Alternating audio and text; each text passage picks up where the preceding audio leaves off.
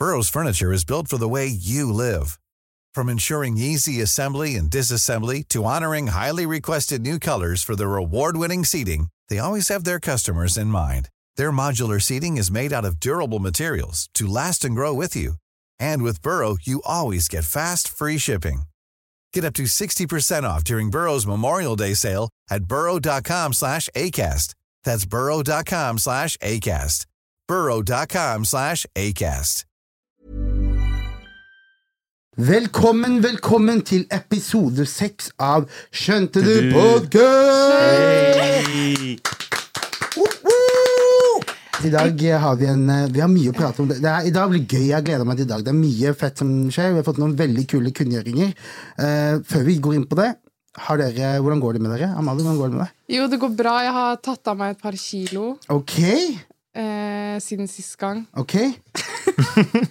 At du har vært inne i gym? eller Siden første episode. I'm just talking about hvem som satt i min stol oh, ja, hallo. forrige uke. Mm. Eh, jeg bare tuller. Men eh, ja, jeg er tilbake. Jeg håper dere har savnet meg veldig mye. Vi Jeg har savnet å være her. Så vi, ja. har, vi har savnet deg. Forrige episode hadde vi med Maris, for de som ikke har sett den. Vi snakket om, Det var en veldig kul episode, og kule samtaler. Han har mye, han vet jo så jævlig mye, så det er bare Når jeg prater med han, så sitter jeg egentlig mesteparten bare og hører, fordi han kan så mye om skandinavisk rap og alle de timene. Han snakket om, eh, vi snakket om Oslo World og det som skjer nå snart, med, og han gikk gjennom lineupen og det. Det var veldig, veldig gøy. Eh, jeg tenkte jeg skulle starte med å fortelle om eh, uka mi. Denne uka har jeg faktisk gjort noe. Hey. Så jeg. Jeg, hadde, jeg spilte, med, spilte konsert med JNS. Yes. Han har gitt ut eh, en skive, og skal gi ut en ny skive, og spilte en konsert i eh, forhold til det, da, og det var veldig hyggelig. Masse god stemning, kult, bra med folk. Han spilte gjennom masse låter. Han har en ganske lang katalog, så han liksom gikk gjennom alle de forskjellige epokene av hans karriere.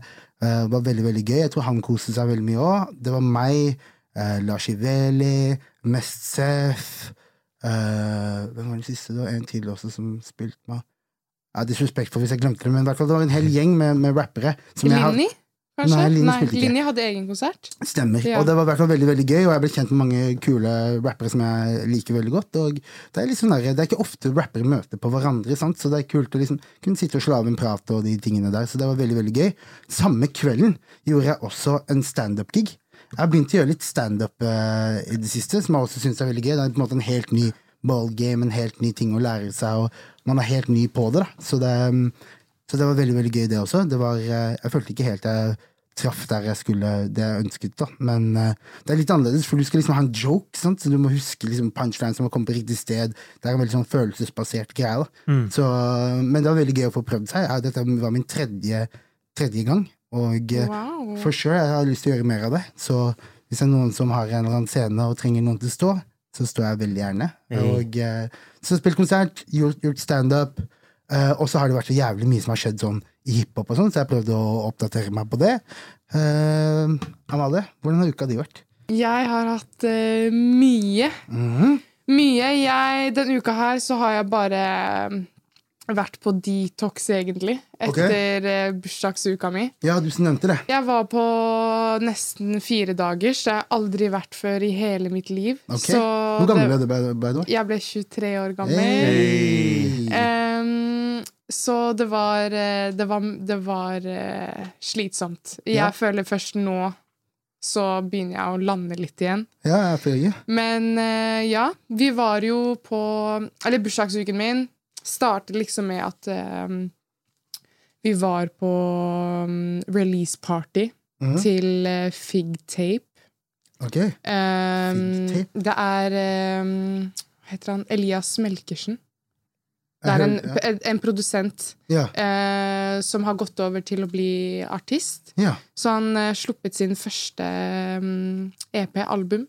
Ok, Um, så vi var på release-party der. Kult. Eh, det var veldig nice. Og så dro vi videre, videre på vin og rap. Hadde et lite arrangement på Syng. Mm. Det var altså dritlættis. Mm. Eh, videre, så dagen etterpå mm. dro vi på 070 Shake-konsert. Yes. Det var helt fantastisk. Jeg har hatt lyst til å se Danny 070 hele, siden jeg, hør, siden jeg hørte på henne. Det er én person, sant? Det er én person. Ja. Eh, hun er dame.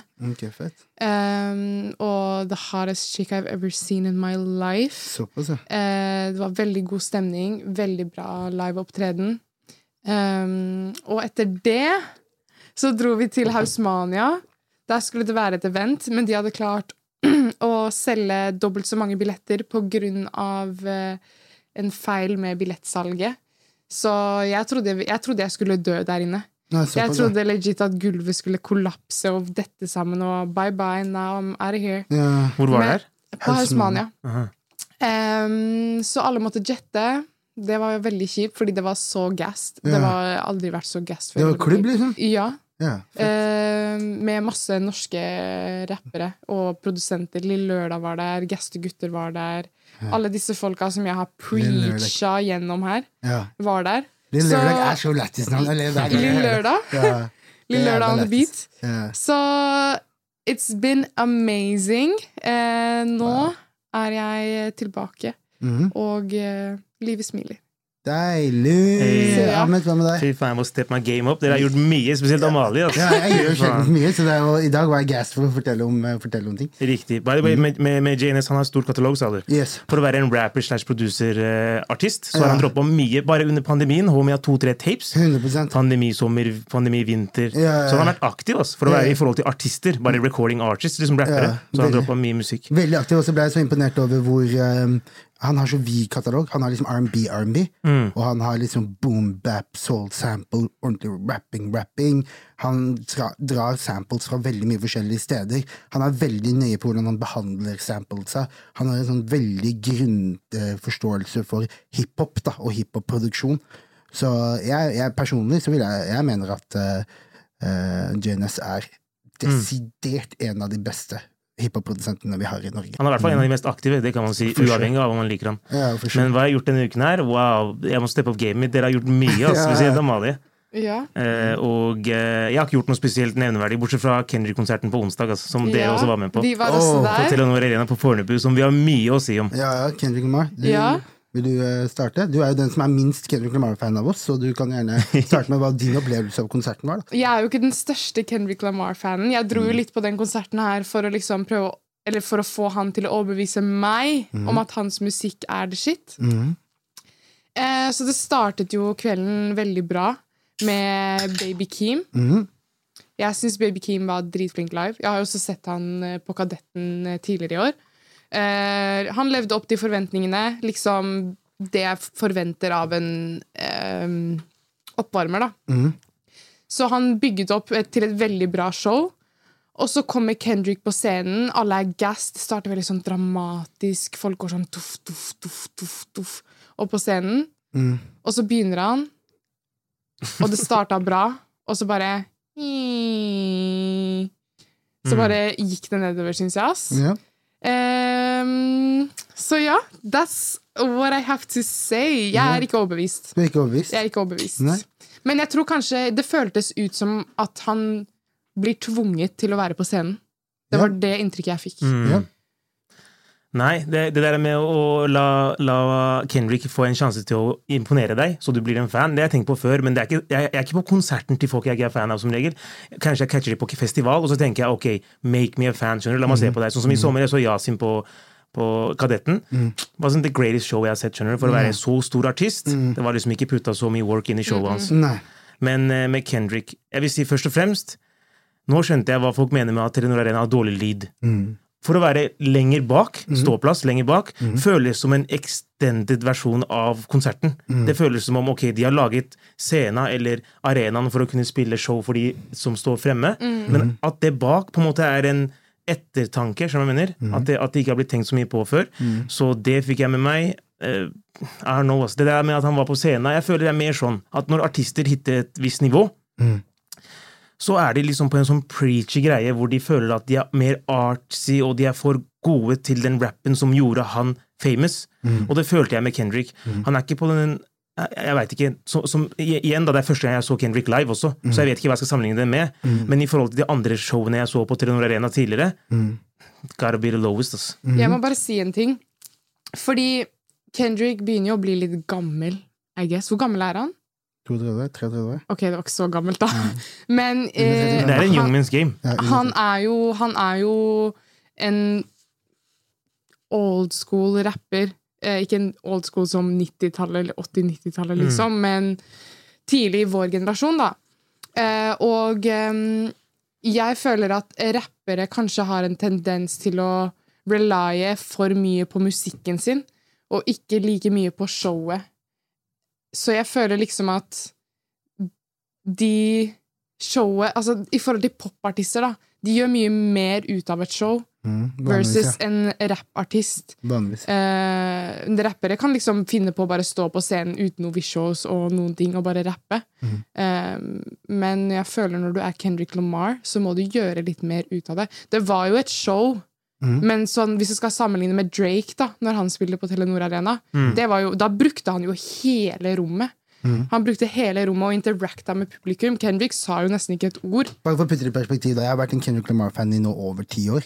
Eh, jeg husker, Det var nettopp tiårsjubileum for Good Kid Mad City, og jeg husker hvor hardt den musikken traff meg, og hvor tekstur den var. Altså, Ni år, tror jeg. Jeg tror den droppa i 2013. Ni år. Nei, det er ti års anniversary for et par, for et par dager siden, sto det. På Men Billboard 200 charts. ja, den har vært på Billboard også i ja, Ti år. Da. Men uavhengig, da. Eh, jeg har vært en stor fan av Kendrick Lamar jævlig lenge, og eh, jeg har alltid respektert ham for hvor høyt han setter kunsten.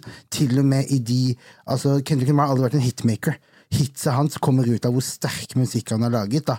Og jeg elsker også hvordan han hele tiden har hatt musikk som hitlåter, som har en sterkere mening bak. Da. Hvis du tenker Swimming Pool, og folk tenker jo I got a pool full of liquor and a dive in it. Skjønner? Og folk tror at dette er en låt som er Get Drunk, men, er- men har mye, mye måte, mer texture bak. Det handler om alkoholisme og hvordan han opplevde alkoholisme hos sin eh, onkel og alle disse tingene her. Alt med musikken hans har i hvert fall hatt veldig høyt art level, jeg, og jeg har heller aldri sett Kendrick Lamar før, så skulle, når jeg først skulle se Kendrick Lamar, så skal jeg være helt ærlig og si at eh, på en måte mine forventninger var veldig, veldig høye veldig veldig høye til eh, både performance-wise, da tenker jeg dire- direkte rappingen, ordene, låtstrukturene, alle disse tingene her. Så jeg vil bare, det vil jeg starte med å snakke om først. da. Selve låtene har blitt gjort om til et format, eh, hvis ikke jeg forsto, følte det, da. Blitt gjort opp til et europeisk format. Det vil da si at han har tatt ut LOA-trommene og disse tingene her, som for eksempel en, På en låt jeg merka det veldig sterkt på, var på um, DNA del to. Der er det en sånn del hvor bare Mike Will har bare helt ville trommer, liksom. Og han bare rapper mellom trommene på en sånn jævlig teknisk og sinnssyk måte. Og så har de bytta det ut med sånn gitar, og det var sånn rocke- rockesegment da, mm. som gjorde til at jeg bare Jeg, mista helt liksom eh, det tok meg helt ut av opplevelsen. I hvert fall for en som er så glad i Kendrick Lamar sin musikk og de forskjellige delene av produksjonen. da. Eh, så den delen, var, den delen irriterte meg med, eh, sånn hovedsakelig. da. At eh, han hadde endret og putta alle de rockelementene. Uh, jeg så på Twitter så hadde jeg en diskusjon med Stig Brenner, og hvor han snakket om at eh, det var jævlig rart at eh, man så ikke trommisen. Og hvis du, hvis du først skal fucke opp alt sammen med å ha en live-trommis, Ja. og, og ikke elektroniske trommer, så vil, eller digitale trommer, så vil du ikke Så hvorfor har du ikke en trommis på scenen og gjør et show ut av det? på en måte? Ja. Og eh, Så hele den greia der irriterte meg veldig. I tillegg til det så var jo eks- lyden ekstremt dårlig. Altså Jeg har aldri i mitt liv opplevd en konsert hvor lyden kan være så dårlig at det fjerner 70 av, av liksom opplevelsen. da. Det var, jeg sto der til tider og tenkte hva er det som skjer? Og eh, mye av årsaken til at jeg tror at Baby Keem føltes bedre ut, er fordi han hovedsakelig har trap-trommer. Mm. At eh, det liksom hør, det hørtes mer altså De, de 808 strakk seg mye mer da Ja. enn Kendrick Lamar sin versjon av det. Og det er pga. Telenor Arena. Jeg fikk noe intel fra min eh, Min, min man inn på innsiden av Illuminati. Og, han fortalte, og, han fortalte, og han fortalte meg at uh, det har med pakka artisten kjøper, lydpakka man kjøper på venuen. Okay. Så artisten får velge mellom tre forskjellige typer pakker. Og, hvis du da, eh, og det er derfor For jeg alltid altså det eneste jeg sto og tenkte på, var hvorfor i helvete var det så mye bedre lyd på Drake? Eller på, eller på Washington the Throne. Men det er fordi at det er forskjellige typer Ja, det er forskjellige typer pakker, det er forskjellige typer pakker de kjøper. Så det, det, hovedsakelig tror var det the- the sonic part of it, da, altså med musikken, eh, og det var eh, lyden på stedet. Og så føltes det veldig halvhjerta ut, som du nevnte, i forhold til rap-teknikken. Linjene ble kutta. Ofte viktige linjer, skrikelinjene, du vet når alle bare roper. Så, så liksom, han kutta de på en veldig sånn der lazy måte, følte jeg. da. Føltes veldig halvhjerta ut, til tross for at han hadde masse dansere. Amazing visuals, amazing lys. Hele den pakka rundt var veldig veldig bra, som, som forventa av, av PG Lang eller TDI eller whoever det skulle vært. da. Men selve performancen Kendrick Lamar som rappa, føltes veldig ut som det bare var en, en, en check på et, på et skjema. Han skal innom der. Jeg skal checke inn off, og så skal jeg gå videre. Og um, hele det ga meg en, en ekstrem nedtur ut ifra hvem vi nettopp bare så. da. Så jeg gikk hjem og tenkte God damn, Kendrick Lamar. I'm the biggest forkjemperen av Kendrick Lamar. Og, og, og jeg, kan, jeg, kan, jeg kan diskutere kunsten hans med hvem som helst, til og med folk som driver med annen type kunst. Men det showet der var meget halvhjerta, meget eh, Altså sånn Har du sett han live før? Nei. Og jeg tror ikke jeg kommer til å, jeg tror ikke jeg kommer til å se en artist live for første gang på Telenor Arena igjen. Da må det være andre, da må det være andre gang. Jeg mener? Sånn som Drake kan jeg se der igjen, for jeg har sett, jeg har sett great shows på Drake. Eh, Jeg kan, se, jeg kan se Kanye der, for jeg har sett Kanye på andre steder.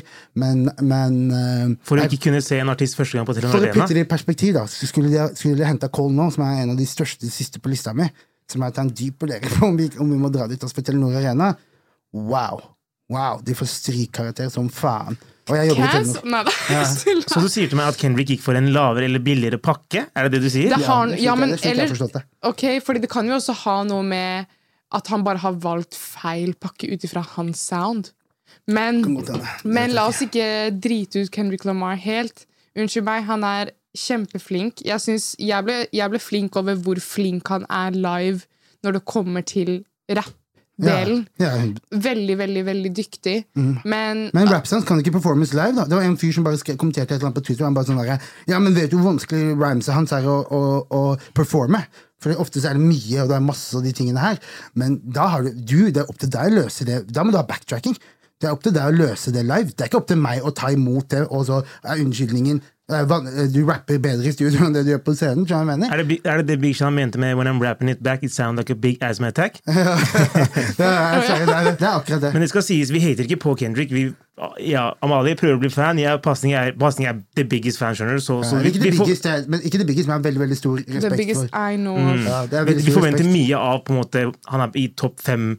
Ja. Nummer én rap-tier. Så, yeah. så vi forventer mye av han. Men, men det du nevnte med at han lager låter, pop, låter rap-låter som går pop, som er conscious yeah. Han har en linje som er min favoritt. Han sier 'How you let a conscious rapper go commercial while only making conscious albums'. Ja, det er helt sant. Det, det var han, han hadde beef med Drake. Og det var sånn Drake putta hele Han er veldig på den derre Ingen har flere hits enn meg. Ingen har flere hits enn meg. Ingen har flere numbers enn meg. Yep. Og, så, og så mm, svarte han med det, da. At hvordan i helvete lager jeg Hitler Eller altså hitlåter med faren meg Hvordan i helvete lager jeg Jeg lager hitlåter, jeg lager hitlåter med, med, basic, med basically uh, social commentary. da Mm. Jeg mener? Og da kan du ikke slå ham, for da vil musikken din vare lengre. Hvis vi går 100 år inn i fremtiden nå, og så skal vi prøve å se noen som har lagd en time capsule av perioden vi er i nå, om det er Black Lives Matter, om det er, om det er cancelling, om det er covid, om det er alle de tingene der Du kan ikke gå i Drakes musikk og finne det. Da finner du Hatline Bling. Men hvis du går i, hvis du går i, hvis du går i, hvis du går i Kendrick sin katalog, så vil du finne en en biography av den perioden vi er i nå. Så, og det er musikk som varer. Hvis vi går tilbake da, og tenker på de låtene som vi husker som representerte for eksempel The Civil Rights Movement, og alle disse tingene her, det er låtene vi husker fra den tiden. Vi husker, husker ikke uh, klubblåtene hvor folk dansa sånn der uh, Hva heter det dansene de hadde back in the days? Skjønner jeg mener? Ja, sånn. Vi, husker, vi husker ikke hitsa derfra. Vi husker de låtene som bærte smerte, de låtene som tok en, tok en, liksom, en situasjon og forklarte det på en måte som mennesker som ikke har gått igjennom det, klarer å forstå det. Hvis, hvis du blir sendt ut i Yes. space Hvis du blir sendt ut i space, tar du med Kendrick sin musikk eller Drake sin musikk? Kendrick, of course. Of Ett course. album, et album fra begge. Ja. Hvem hadde du tatt? Ja. Men, al- men nå, vi kan, jeg, er jo, jeg er jo kjempestor Drake-fan, men vi må, hvis vi snakker album, så liksom classic album, så er alle, Drake- alle hiphop-fans skjønner at Kendrick Lamar er på et helt annet nivå når det kommer til album. Tror jeg mener, Drake er en singelartist. Hvis du skulle lagd en spilleliste på ti låter og, som skulle få oss lady her inne, så hadde Drake slått han easy. Easy Men, versus. men hvis vi skal Eller ja, versus, det Han er hadde enda slått hele bedre. TDI samla. Eh, Easy, skjønner jeg mener. Men når det kommer til når det kommer til musikk som varer, musikk som betyr noe musikk som, tror jeg mener. Så, så derfor så var jeg skuffa over eh, Kendrick-konserten.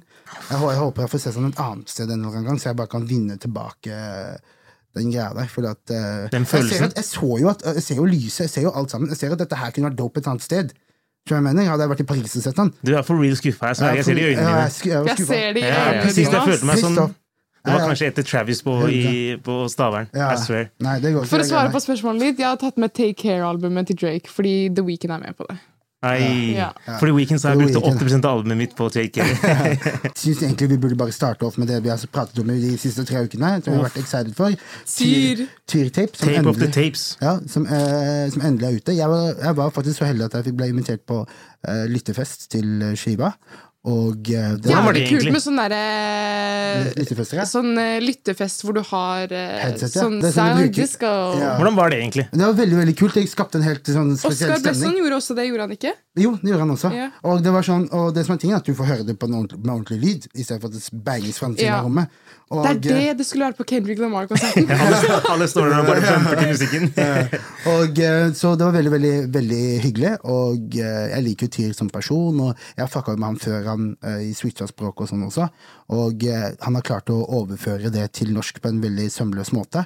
Eh, vi kan starte opp med produksjonen, da. Uh, produksjonen er gjort av uh, Jimmy Somewhere. oh, ja, og Milos Milo. Milo Or Orkis, Orkis, Orchis Orkis, ja, ja. og Philip Manikov. Yes, jeg hilser på de gutta på, på, ehm, på releasepartyen, og veldig veldig hyggelige, ydmyke gutter. Gjør masse kule greier, veldig for musikken. Hadde en sånn liten tale før om hvordan de kjenner Han, eh, Jimmy Somewhere og eh, Tyr hadde kjent hverandre lenge, og han hadde bodd på sofaen hans i mange måneder, og de hadde jakta denne drømmen her sammen og lagd den visjonen. da. Og eh, eh, mitt inntrykk av albumet da, er er at produksjonen er veldig heavy, veldig personlig, veldig knyttet opp mot han. Det er det inntrykket jeg også får. Han ligger veldig naturlig med stemmen sin. Jeg får nesten litt sånn eh, eh, Og dette er ikke pga. race. Jeg får nesten litt GEC-vibes noen ganger. Fordi, fordi at han ligger liksom sånn der, han ligger liksom litt sånn der inni biten med nesten sånn hviskestemme, som gjør til at han formidler det han sier. Han kan nesten si hva som helst, og du vil på en måte like det, da, jeg mener?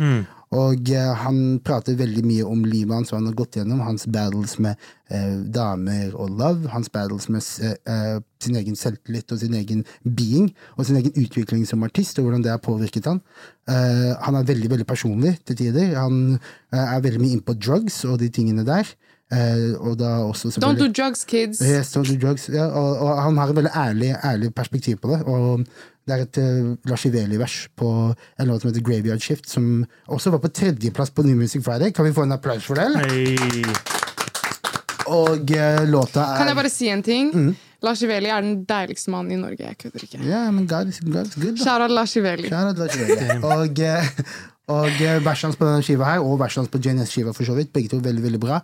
Han loader opp. Jeg har hørt, eh, jeg har hørt eh, noe greier av han også. Og han kommer, når han først kommer, så kommer han til å make a splash. Altså, for han jobber på noe Jobber på noe tilbake til ting som varer. Til historier som varer. Ting som er såpass ekte at du må ta stilling til det. Den lanen der han er, med en driss av ordentlig lyricism. Det er den eneste den eneste tingen jeg kan si på Tier-albumet. Låtene banger. Hooksa banger. Story, storiesa knekter, med, med meg i hvert fall, og med mange andre tror jeg også. Eh, Det er veldig ærlig, veldig nakent, men akkurat lyrically da mener jeg at det går helt ned til bars og, og liksom de her tingene her. Da. Mm. Der synes jeg Det er det eneste stedet jeg kan ta det på. At der var det, det, var et par vers og det var et par låter hvor jeg bounsa, og det er god stemning, men så merker jeg at, at uh, veiene han valgte lyrically inni det, kunne vært skarpere. kunne vært, og jeg tror, For jeg har hørt engelskgreiene hans, så jeg vet jo å bygge bars og strukturen og de tingene der er jo likt på alle språk, så jeg føler at han men det- Nei, jeg er uenig der. Hva mener du? Norsk er et veldig vanskelig språk. Nei, og- nei, nei. Jeg, mener, jeg mener at en metafor bygges på samme måten. En okay. double entendre bygges på samme måten. Okay. Jeg mener? Det, det, Så du mener ikke, ikke at det er like enkelt å rappe på begge språkene, men jeg mener at strukturen av måten du bygger bars på, en punchline, hvor, hvordan man skal bygge en punchline, det er likt på alle språk. Akkurat sånn som du lager standup. Kontra musikken, tenker du på? Ja. Så har du en punchline, ikke sant? Du Ja, har et, sant, ja, sant, sant. Ja, det- samme det- greia. 100%, Jeg er veldig glad i, i standup av at det er mye av samme formel. Men i hvert fall, og jeg, vet, jeg har hørt engelske tingene hans, og, og jeg vet at han, er, han, er, han har en skarp penn, så jeg skulle ønske at det var Det er ikke så mye altså Han har jo ikke dope bars, han har dope vers, men jeg skulle ønske det var det eneste stedet jeg kunne på en måte, For replay value? ja, det eneste stedet jeg kunne, jeg kunne på en måte ikke ta ham på, men som jeg kunne eh, Kritisere. Sette, ja, sette en finger på det, og det er akkurat det der, da. Og eh, jeg skulle ønske at, det var, at han liksom gikk ett hakk lengre med the lyricism. Men det kommer. Han er helt i starten av karrieren sin, han er ung som faen. Så alt i alt så ligger dette her an til å være mitt favoritt-norske rappalbum. av. Wow, såpass. Det er. Yes, Jeg må sure. virkelig si at jeg er enig i deg. Jeg har også kjent Tyr en god stund. Mm. Uh, og uh, jeg unner han uh, det her så, så, så mye. Mm. Virkelig, fordi I know he's been through it, liksom. Yes, han har virkelig vært gjennom hardt vær. eh, og bare stått gjennom det, og bare fuck, fuck det her. Jeg skal leve av musikk, liksom. Fuck alle sammen. Yes. And he fucking did it. He did så en gang til. Hey. Helt ærlig. Gratulerer, ass. Veldig, veldig dope. Uh, Ahmed, du, har du noe å si om tapen, du også? Uff, for det første, jeg fucker med navnet. Tear Tape. Ja, er fett. Så, så jeg, jeg, liker, jeg liker det. Hvor gammel er homie igjen? 21? Noe sånt, 22. 21, ja. Det er 21. Ja. Hvem er, ja. 21 og Savage, selvfølgelig. Helt riktig, helt riktig han sier den også der. Og han er ung for å være en kar som har holdt på på engelsk, switcha til norsk og har kommet seg inn så langt. Ja. De låtene jeg fucka mest med, det var of course singlene, som jeg bumper fortsatt. Nummer én, jeg må si, husker dere det jeg sa angående norske prosjekter? Dropper en singel, og så kommer prosjektet mange måneder etter, som nesten altfor lenge, Ja. hvor første låta er føler jeg ikke lenger. Ja. Denne her hadde perfekt rollout. Vet du hva, Jeg er helt enig med rollouten, faktisk. Mm. Right? Når jeg først hørte liksom introsangen Fordi jeg blir alltid så bummed når jeg hører, hører introsangen til et nytt album. Fordi jeg blir sånn, Å, skal det her starte det, liksom? Okay. Men jeg synes at det var en så fin innledning til Det satte liksom viben for resten av albumet. Tear tape, tear season. Mm. Men eh, jeg, jeg, lik, jeg likte albumet. Jeg kan, ikke, det, jeg kan ikke breake det down som Nasser gjør. Nei. Med Ditten kan bars og sånn der. Nei, men, men, men jeg, jeg kan si at jeg likte det. Outroen, yeah. Oslo Flows yeah. og de, de tingene han sier der, minte meg Jeg elsker sånne låter. Den den hadde litt sånn der 5 AM in Toronto, Yes. 6 PM i New York-opplegg. Litt sånn der, Bare spytter det ut sånn som det er, på en rolig beat. All my life Det Eh, der samplet er Eh, produksjonen hans er next level. Mm. Jeg kan jo ikke sånn som det der, alt det breaker det ned, og hvem som gjør hva, men Ja. det hørtes jævlig bra ut. Og det visuelle var dope med coverene med de her damene. Yep. Ja, Det synes jeg også satte veldig tom for albumet. Fargene de valgte, alle de tingene Mm. Shout out Bratz. Shout out out eh, Ida Malvik. Shout out Yes. Alarming World. Yes, sir. All the baddies on the cover. Yes. Ja. Kjære de, og det, han rett og slett bare gjorde, det på en ordentlig måte. Og så synes jeg det, En ting til som jeg vil påpeke om dette, her er at jeg synes det er jævlig gøy å se en person som gjorde det på måten it's supposed to be done. Du Yes. skal hustle for years, du skal bygge deg et live-renommé. Du skal bli, og det så, Du så det når, jeg var, når han varma opp for Corday. Nye, hvis du kommer opp med én hit, du har aldri vært på scenen, de tingene der, Nei. du får ikke det greiene der. Karen har kriga scener, han har kriga musikken sin, og det hører du både i hvor klar identitet han har på skiva, til hvor klar identitet han har på scenen. Jeg han, tror han der kommer til å nå langt, langt. Han sa jeg prøvde å krige gjennom snøen med noen slitne Nikes for å spille show for 16 personer, og late som det var sold out. Oh my god, oh my god, oh my god. Men of course, that's the hustle of it, jeg mener? Og, det, og det, det kommer til å bygge karakter, det kommer til å eh, gi han en longevity, skjønner jeg mener? For at vi opplever nå, ikke at det er noe galt i det heller, men vi opplever nå veldig mye du fikk en hit på TikTok, bow, ass in the middle of the mix. Bow one hit wonder. Ja, ikke, ikke nødvendigvis det, men det er du Nei, nei, men det er det folk sier. Ja, du har mange, Ja, ja. Huller, du har mange huller i greiene dine. Mm. jeg mener? Mens, eh, og så er det noen som får den hiten, og så, og så har de vært i gamet dritlenge, sånn som for eksempel Tyr, da. Eller Ramón. Du ser jo han, han, han, han, han var jo i toppform, ready to go, når han f- fikk den hiten. Riktig. Hadde allerede en skive ute som. For, for eksempel Cezinando Nei, men Han fikk jo ikke en hit på TikTok. Så han fikk Nei, ikke sånn over natta-greie. Han hadde han var fem album inn når han begynte. Eller fire Skal jeg fortelle dere noe sjukt? Det var moren min Jeg vet ikke om jeg har sagt det på podden før, men det var moren min som introduserte meg til Cezinando. Såpass? Hun viste meg den låta som heter Pekka Pekka. Ja, ja. Eh, fra back in the days. Hun Ja. bare 'Amalie, du må høre den låta her!' Og så Pekka. Pekka Pekka. La meg se på høna di. Er moren din- er moren din svensk, eller er hun trønder? Hun er nordlending. Du vet det er Beyond the Wall, det greiene der. Shout Nord-Norge. Du er er halvt nordlending? ja, Det forklarer mye, ass. I'm not gonna lie. Okay. Ja, det forklarer mye. Du har nord, nordlending energy. Okay. Du er nordlending, eh, eh, apropos nordlendinger, en kar fortalte meg at back in the days så var nordlendinger så hata her nede i sør at de sleit med å få seg leiligheter og sånn. Folk Ja, sa til men, de nei, vi vil ikke ha eh, nordlendinger. Det er, det er fortsatt litt on the low. Er Sånn, Hvis du hører nordlendinger Jeg merker det også selv om jeg er nordlending selv. Hvis det er noen gjester på jobb som er nordlendinger, så blir jeg litt ekstra cautious. Såpass, ja. Fordi jeg vet nordlendinger er nordlendinger, liksom. Ja, nordlending ikke life matter, altså. Hva mener du med de fikk ikke mener de fikk leilighet sånn på visning og sånn? Ja, ja, de sa vi vil ikke, de, de kunne skrive annonsen vi vil ikke ha nordlendinger. Før utlendingene kom. Før utlendingene kom, ja. Og de unita. Ja, fy Oh faen. Fant en felles enemy. Oh my god. Ja, det er jævlig, det er jævlig lættis. Men nå kommer vi til den topicen jeg ville prate om. Ok. Jeg sitter på Hvor var det jeg var hen. Jo, jeg var på fest i går. Hos en kompis av meg. Vi sitter chiller'n og spiller litt spill, og det er koselig. Plutselig tikker det inn en melding av Karin eh, som jeg bor med. Min, en av mine nærmeste kompiser.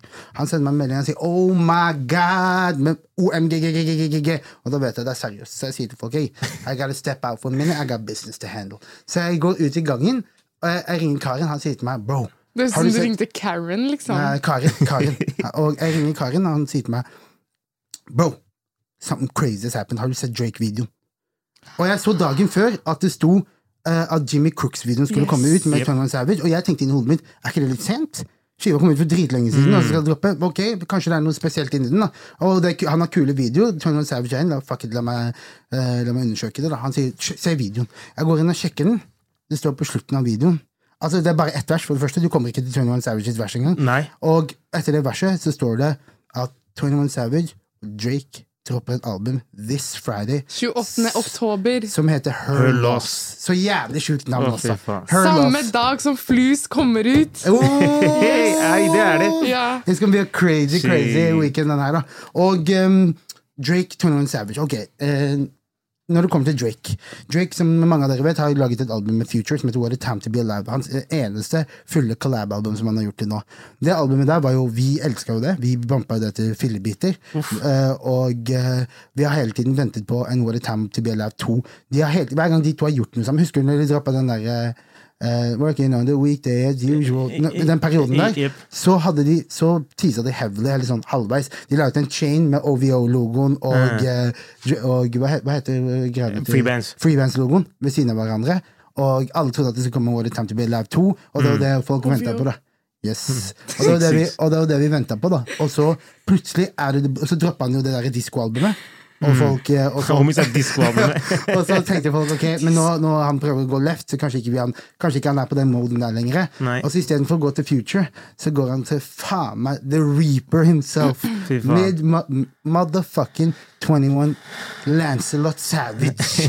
4L. Og, han, ja, ja, og, og, og det som er tingen, er at med en gang tenkte jeg Første tanken min var Veldig interessant valg av han. Han tok ikke, han tok ikke Future, som han vanligvis han liksom, Som vi anticipata. Han gjorde ikke Baby, som kanskje hadde vært en bigger look for ham akkurat nå. Mm. Young Thug har han jobba med mye. Ikke tatt han. Ja, men Young Thug sitter i jaileren, så det er ikke rart han Ja. valgte- ikke valgte den. Vent, vent, vent. vent. Snakker vi om Drake eller 21 Savage? Now I'm confused. Nei, nei, nei, nei, vi snakker om Drake. Vi snakker, okay, om Drake okay, okay. Vi snakker om at Drake kunne valgt alle disse her til å gjøre et album med. Og så endte det opp med at han skulle gjøre et album, annonserte et album med 21 Savage. Initialtanken min er vi har, eh, eh, Hvilke låter er det vi har fra de her to eh, sammen? Sneak In, Yes, Mr. Right Now, yes, Knife Talk, yes, Jimmy Cooks. yes. Let's start from Sneakin. Du husker når Sneakin droppa? kom ut. It was a er den går igjen? Eh, Niggas keep reaching and this. Yes, yes. Yeah. Og- 2016, høsten. Yes, og jeg, jeg husker når den der droppa, hvor jævlig movie det var. Videoen ble laga i en sånn grotte, husker du? Med sånn der jævla ghetto ass kamera. Skikkelig muddy, skikkelig grimy. Man Masse damer som danser. Kombinasjonen Heavy mellom de chains. to Kombinasjonen av de to var bare Jeg husker jeg tenkte faen, det der var dope som faen. Og så eh, er vi jo Mr. Right Now på Savage Mode 2-albumet. I'm a slice! Yes. Og, den, det, som- og det som var med den, var at jeg, jeg tenkte jo med en gang at dette, dette er en superdope låt, men den passer ikke så mye på uh, Savage Mode 2. Den skulle vært på et Drake-album. Jeg var helt uenig, og jeg fortsatt er det. Ja, Ja. vi, vi kommer tilbake til det. Også, Og så- Og så har vi Mener du virkelig at den låta heller skulle vært på et Drake-album, fordi at det er synging. Han mener at den skulle I et på superhardt album hvor hele, all, alt bare er straight hard track. Okay. Så kommer det plutselig en låt. Jeg kommer tilbake til det. men La, meg- la, okay, Ok, la meg finishe ok. resonnementet mitt. Så uh, Mr. Right Now kom på Savage Mode 2. Jeg følte den var malplassert. Den burde vært på et Drake-album. Så dropper han Knife Talk, og som jeg også føler var kjempemalplassert på, eh, på Certified Loverboy. For at den burde vært på Savage Mode 2, syns jeg. Og der var diskusjonen til meg og Ahmed, for Ahmed mener at som en låt på det albumet, så får du en kontrast som lager et moment for de to, som gjør til at det blir mer tydelig. Og det virker jo litt som om du har rett ut ifra The Numbers. At Knife Talk var jo en av de mest streama låtene fra Certified Lover. Og, og det samme på Savage Mode 2-albumet. Yep. Men, eh, men eh, etter der igjen så droppa de da eh, Jimmy Cooks, som er på, som er på den her, som også er malplassert. skjønner- Ekstremt. Ja. Den er enig Ja, i. er Hva var det for noe? Men, nei, men det er jo akkurat samme formel. Can Den I say something? Ja. Can Ja. I say something? Ja. Det her har jeg tenkt på før. Fordi når Hva er det det heter? Uh, Actually Nevermind? Hva er det det heter for noe? Honestly? Nevermind. Honestly Nevermind. Um, når det albumet kom ut, så var det sånn Å, jeg fucker bare med den Jimmy Crooks-låta. Yeah. Fordi det var bare de Drake-fansa yeah. som fucker med Back in the Day Drake. Ja. Eller alle som ikke Eh, og fucker det- med jo liksom, speedo-musikk. Du hadde jo liksom Sticky, og så hadde du Jimmy Crook, som var Yes. liksom type var- ja. Drake. Ja. Uh, og det var det de basic-fansa hørte på og syntes fucka mest med. Yes. Som meg. Mens alle de andre låtene er ikke Drake Drake i det hele tatt. Samme som du sier nå. Um, når uh, Mr. Right Now var på albumet til Boomin og Thomas yeah. Savage, den passer jo heller ikke inn der. Nei. Men det, det, det på en måte Det virker som at de putter en eller to låter inn for å bare Get the numbers up. Ja! Ja. Get the numbers up. Og det her har jeg sett hos flere artister. The Weeknd gjør akkurat det samme. Ja, det irriterer meg. Og det er uh, tenker, men, det, men, det kan, men det har også, jeg tror det har mye med at uh, album-eraen er ikke Den er ikke, den er over. Nå er det single era. Så jeg mener. Mhm. Og det, at the end of the day, når uh, et label ser på statisticsa dine, og sånne ting, sånne, de vil ha numbers, og de vil ha uh, charting. Så jeg mener. Så hvis ikke- And money. ja, at the end of the day, alt er money. sant? Så de vil jo at, uh, at du skal i hvert ha Hvis du er en så stor artist som Drake, så vil du at least ha to-tre i top ten første uka. Uten Og, og hvis du da lager Speedo, uh, Strawberry Dackery i beatsa-musikk, så er det ikke sikkert at det der kommer på topp ti. Så derfor må du slenge inn et par bangers som du vet kommer til å charte, og de charta. Og jeg tror at uh, Men tilbake til hvordan dette knytter seg sammen her, da. Jeg pleide å krige for, eh, for Jimmy Cooks Nei, jeg mener Knife Talk og Mr. Right Now, at de var malplassert på Ja, hvert sitt album. Jeg ja. pleide å krige for det og mente at det var the right move å gjøre. Ja. Men Jimmy Cooks på Honestly Nevermind har jeg aldri skjønt hvorfor er der. Helt Nei. ærlig, Bortsett fra å være kul. Men. Men samtidig så var det ikke en sånn der, Det var et helt album. Ja. Det var ikke en sånn type låt. Sticky Ja. til og med, som kanskje er litt likere, var Ja. helt annerledes. Ja. Så jeg syns Honestly Never Mind Som når jeg tenker på det albumet, jeg tenker Honestly Never Mind.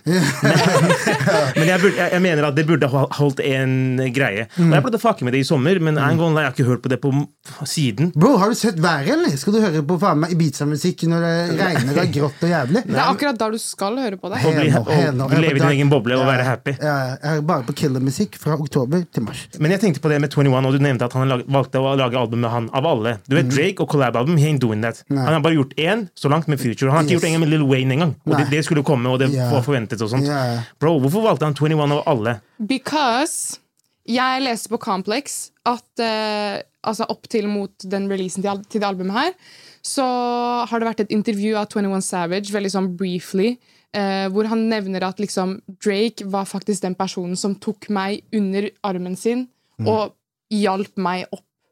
Han er som en Marve Fleksnes Uff. for hiphopen i Norge, Ja. bare i, i, for folka i USA, da. Eh, Så, Ikke bare bare USA, UK også. ja. UK. Drake hjelper faktisk veldig veldig mange up and coming artists opp eh, og frem. Eh, inkludert 21 Savage. da Så de går ganske langt tilbake, egentlig. Men det er ikke vært så mye i spotlighten. Nei. Eh, og det er, jeg tror eh, deres vennskap er veldig genuint og veldig sånn eh, father and son, nesten. I guess. Ja, det er bra Det er i hvert fall det inntrykket jeg har fått. 100% Og i tillegg til Nå, vi må, nå har vi diskutert track recorden deres. Det er straight hits. Her, greiene her, liksom.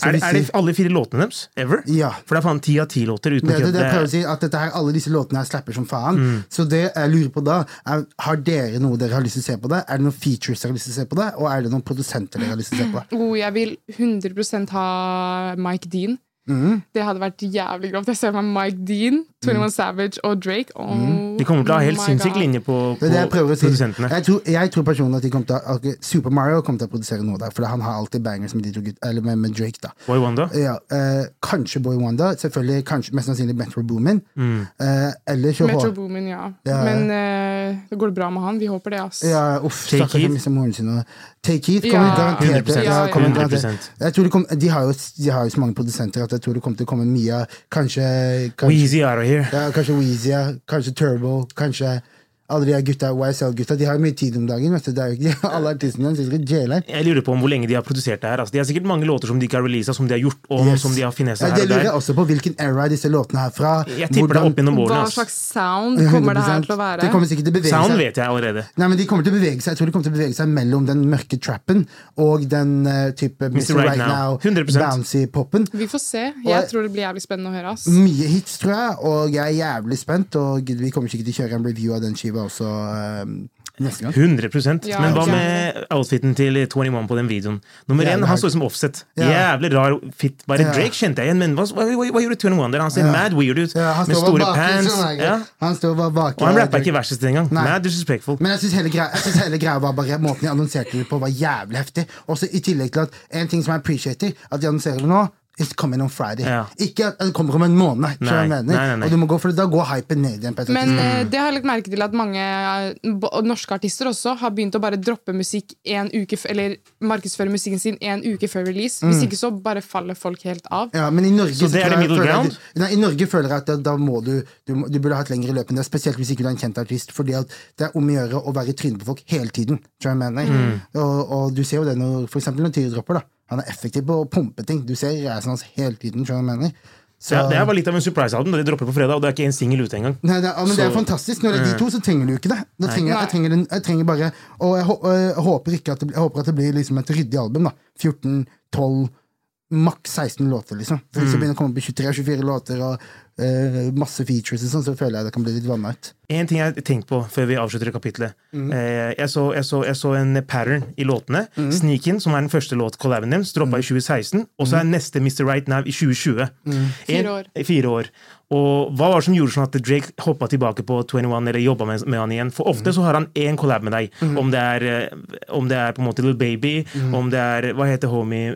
Blackboy eh, Nei, men han har flere collabs som Little Baby. Ja, etter at han på en måte Han, han lar ting være litt. Yeah. Hva, hva, hva, heter, hva heter han med Blackboy? Blackboy Jimmy? Og mange andre rappere som han har hoppet på én låt her og der. Yeah. De har blow up, og så har han sjekka det water. Klarer du deg? Klarer du å lage en hit til? Klarer du å holde deg? 21 har jo holdt seg dritbra. Dritbra. Han har droppa flere album uten Drake siden og solgt mad bra, så jeg veit ikke. Jeg har en teori om akkurat det der, og det er at 21 Savage tilbyr en, eh, en kontrast. En sånn veldig street-perspektiv på veldig mange låter, til og med woke-låter. Hvem andre enn 21 Savage er på to Drake-album og to J. Cole-album? Det er det jeg mener. Han, er, han har en tendens til å komme inn på en låt og tilby et perspektiv fra en side som ikke J. Cole kan gjøre. tilbake, Og min teori er tilbake til det med å være gammel. Når du er eldre, du kan fortsatt være den beste rapperen, du kan lage det beste produktet, men you ain't connected to the streets, og hiphop er en kultur, det er en, det er en youth culture, da. Det er, for, det er for unge mennesker, og det er de som bestemmer ting. Det er derfor sleng, slanguttrykk endrer seg hvert år, drippen endrer seg hvert år, hva man kaller drip endrer seg hvert år, mener? Og, og, og for å kunne holde følge på det, og ha de perspektivene, lage de captionsa som damene har på Instagram, og sånn, så må de collab med noen andre. Derfor ser du Kendrick Lamar, Kodak Black, J. Cole, eh, 21 Savage. Kan godt hende de kunne jobba med noen som er lyrically mye bedre. Men perspektivet til disse rapperne er så viktig at de her goatsa må gå til dem for rett og slett å være connected to the culture. Ikke som en, ikke som en, på en måte, en commercial greie. At, okay, at labelet sier hei, gå og finn noen young niggas og jobb med de. Det er mer at for at jeg skal kunne lage musikk til å representere dette og dette og dette, så krever jeg disse young niggasene til å fortelle meg hvordan det er i streetsa nå. For J. Cole har ikke vært i gatene på 15 år. Det, det er samme med Drake. Ingen av de har vært vanlige mennesker. Ingen av de har betalt telefonregninga si på 15 år. skjønner du mener? Så derfor så må Det er ikke ha- 21 heller. Nei. Men, men, men, men, men eh, det, det, er jo, det er jo sant det du sier. Men eh, en annen ting som jeg tror har litt eh, påvirkning også, det er jo det her med at Altså hiphop-sjangeren Hiphop-sjangeren er jo ikke så mye eldre enn 50 år gammel. Så ting endrer seg Ting går veldig fort. Det er fortsatt nye ting å utforske. Eh, folk blir leie, folk vil ha noe nytt hele tiden. La, la, la, la. Så også det her med å vedlikeholde musikken sin og eh, bring in the youth, eh, de som faktisk hører på, da, lytterne. Eh, og det jeg tror med det albumet her som kommer nå, enten så har det blitt planlagt ett eller to år i forveien, eller så er det noe som har skjedd spontant. Mer spontant, ass. Tror du det? Ja. Don't get it twisted. Du sier til meg at hente inn de der unge lytterne. Don't get it twisted. Det er ikke en person som hører på 21 som Jo, kanskje det er en person som hører på 21 som ikke hører på Drake, men Drake got it mer locked in enn 21. Ja, men det er fordi Drake er faren til alle Don't, de don't, nye don't, don't, rapperne. don't, don't, don't get it twisted. Han trenger ingen.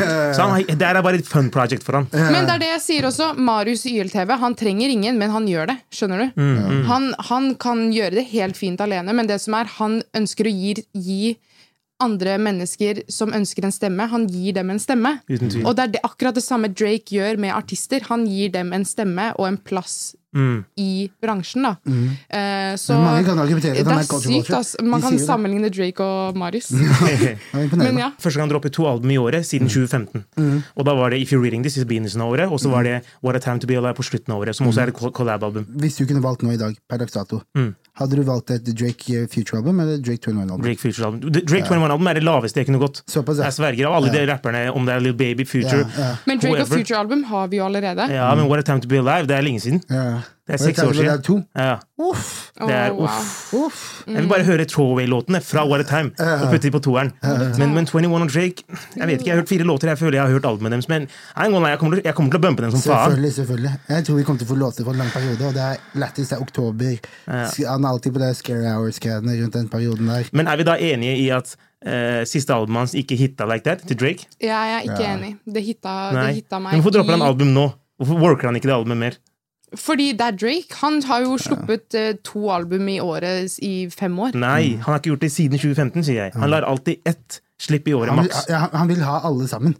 Sant? Med forrige albumet så kapra han folk som går i G-streng, og på dette albumet så, så, så trenger han, så Jeg trenger han tror, at, jeg tror at Drake bare gjør hva faen han vil fordi han er Drake. Jepp, det er mer det det er.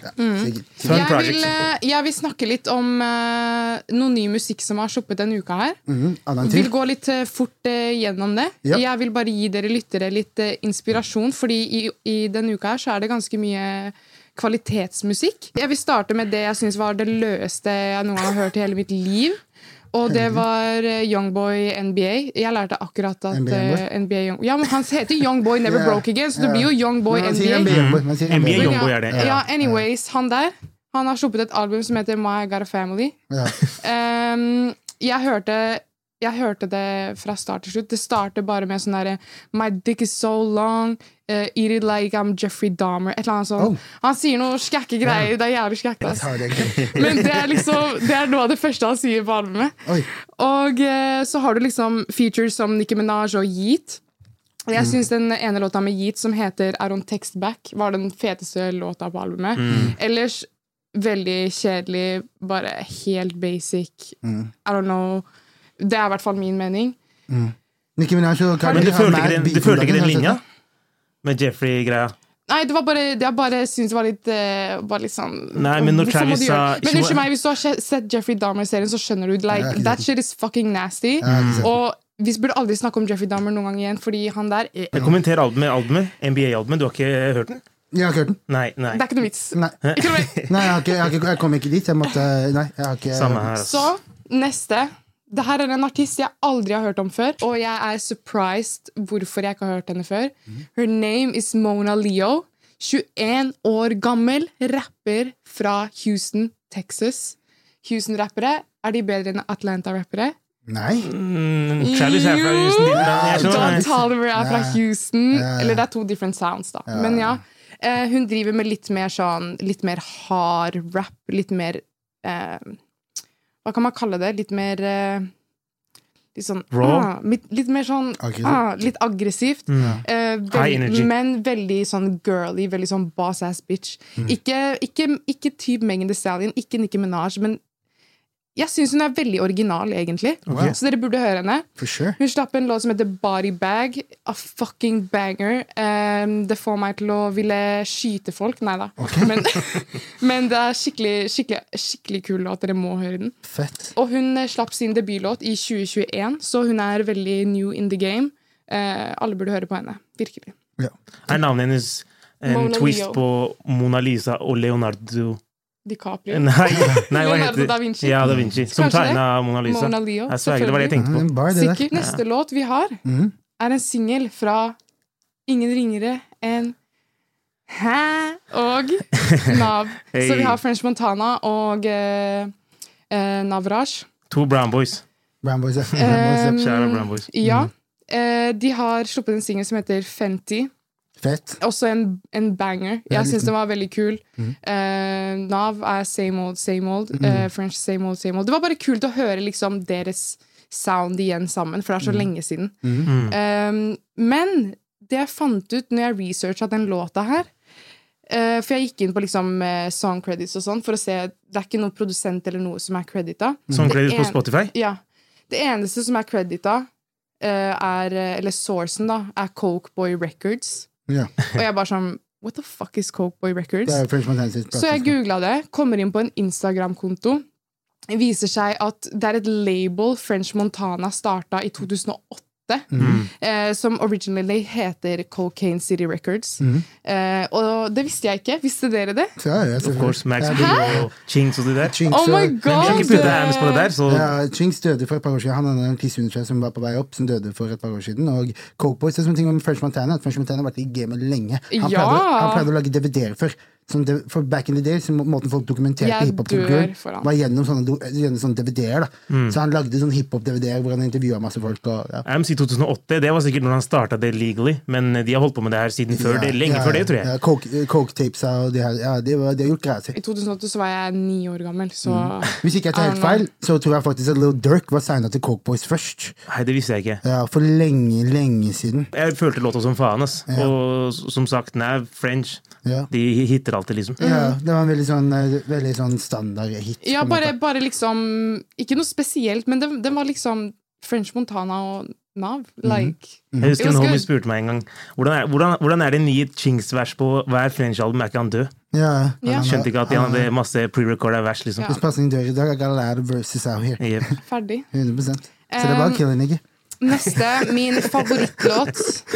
Min favorittlåt Jeg skal huske på det. Mhm. Min favorittlåt denne uka her, Uff. Lil Uzi Vert, har mm. sluppet en to minutters eh, singel. Hit! Den heter Just Wanna Rock, mm. og den er produsert av to Soundcloud-produsenter. Ok?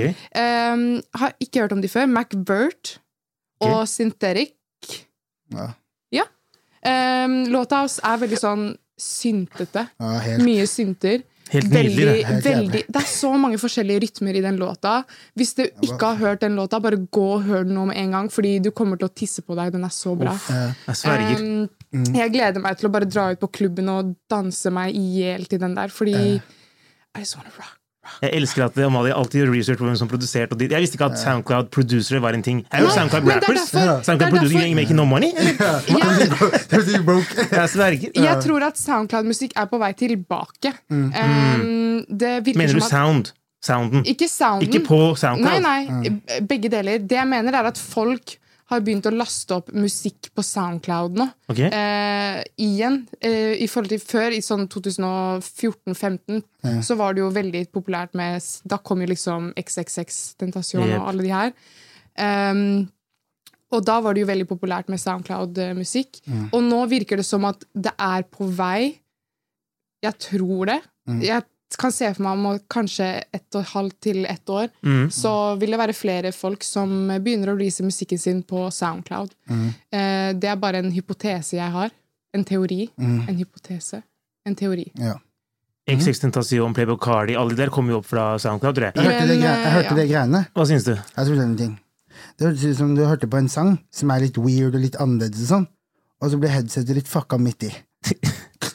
Bare masse, Alt hørtes bare helt random ut. Det hørtes ut som du hadde, at han som miksa, var faen meg on lean. Det hørtes ut som, faen Han var nok det. Det hørtes ut som han hadde, hørtes ut som han hadde tre gode ideer. Han sa 'fuck it, let's give them all three in the same song'. og putta rytmene endra seg. Stem, jeg forstår ikke det der. Jeg, eh, det er ikke for meg. Jeg fucka med det grovt. Jeg er ikke en sånn Soundcloud-type kar som fucker med alt det der rare greiene, men jeg fucka med den låta. Den minte meg litt om Shuffle-låta hans for et par år siden. Den, den var også veldig rar når den kom. Og Nei, så men bare, Den likte jeg bedre, fordi den var litt klarere struktur i. Her bare, gi den det litt, bare bare gi den litt tid. Jeg sverger, den er veldig veldig kul. Veldig, Ja, men du får og den er ikke passer. bråkete, og den har ikke sånn der distortion-effekt, sånn som du tror. Den er Nei, Den er bare, kul. den er bare- hard. hard. Den er sånn Facts. Jeg hører, det er en vibe som en gang jeg hører den. Jeg vet det er Uzi, skjønner du? Og jeg elsker at han alltid prøver på nye ting. Singlene hans, ditten datten. Det, er det, det er det jeg føler liksom Det er det jeg føler Travis og sånt mangler. Når han kommer med låter Jeg føler føler ikke de er mer unike enn det. Jeg syns Jari er fetere, hvis vi snakker SoundCloud-niggas akkurat nå. Jeg synes Jari er fetere. Jo også prøver alltid på nye sounds, nye ting. Polen høres helt det, Første gang jeg hørte den, tenkte jeg hva faen er det her for noe? Helt Men etter å ha hørt den et par ganger nå,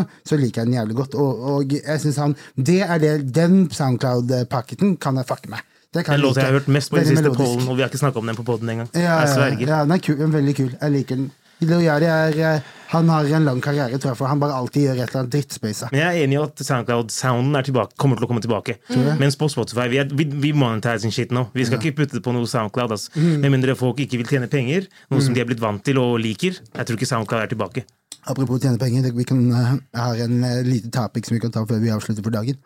Um, det er en ny serie som heter The Playlist på Netflix. Han snakket, Er snakket det den om det. derre Sparify, Yes. Eller den uh, Den strømmetjenestegreiene? Ja, Den handler om Daniel Ek og når han prøvde å komme inn i gamet. Uh, samtidig som Sverige hadde den svære saken med Pirate Bay. Sant? For eierne er jo svenske. Sant? Og så okay. var de i en diskusjon, sånn la-diskusjon med musikk eh, De som eier musikken, da, altså eh, plateselskapene og de tingene der. Og det handler om liksom måten han måtte nesten denge hele musikkgamet. Og endre alle disse reglene, fordi at det bare lakk masse penger inn i Pirate Bay. For folk lasta ned ting gratis. Og han prøvde å komme til de forskjellige labels og fortelle at hei, dere taper fitte mye penger. La oss lage en lovlig strømmetjeneste som gjør til at ikke du må søke på Altså for Problematikken hvis, med Pirate Bay var at du kunne søke på uh, Soldier Boy-album, og så kunne du få porn. Mm. du jeg mener? Så han prøvde liksom å finne ut Jeg lover, det, var helt vanlig. Jeg gjorde det mange Fikk ganger. på PC-en for det. Ja. Og, og ting endra seg, og ting endra seg, så du kunne ikke Altså, det var jævlig uryddig, da. Så han mente da at hvis, vi, hvis dere kommer sammen med oss, og vi tar deres rettigheter og vår plattform, og den derre instant at ikke du må laste ned i 20 minutter og sitte og vente og så høre på sangen, og så er det noe annet, så du får det med en gang, du får det ryddig, du får alt det her greiene her, og, og dere begynner å tjene penger på musikken deres igjen, på rettighetene deres igjen, da. Så det handler om en legal battle. Jeg kom til episode fem eller seks, eller sånt og det er jævlig entertaining. Jeg gleder meg til å komme hjem og se jeg skal dra hjem og se. altså. Samme her, altså. Du solgte den for real. Absolutt. Du solgte den, altså. Og dere burde, dere burde sjekke den ut, dere også. Jeg, synes den er, jeg er veldig interessert i de tingene der, og i hvert fall musikkrettigheter. Og hvordan- Eller hva det Og hvordan, og hvordan, jeg lo av det, og, og eh, hvordan musikkbransjen sleit så jævlig med å endre seg. Fordi det var så mange mennesker som har jobba med den gamle modellen så lenge. Og de måtte sparke Sony Records måtte sparke 60 stykker, og sjefen bada som faen. Og det var veldig veldig interessant. Check it, check it out. Daniel Eek heter han. Daniel Ek som en trapper i Han Oslo. Jeg sverger, ass. Han han prøvde å kjøpe, prøvde å kjøpe Arsenal. Wow. Snik, snik. Han endte opp med å kjøpe Camp Nou, stadionet til Barcelona. Nei, der er de bare sponsor. De bare sponsor. riktig, riktig. Men han skulle kjøpe Arsenal, hele Arsenal. Liksom. Daniel Ek er en veldig interessant historie, og han er, han er en genius. Og jeg ble veldig inspirert på det der med å gjøre noe som andre ikke gjør. Riktig. Det er, det som er, det er den tankegangen jeg fikk av å se på den serien der. Så Mm. se The Playlist.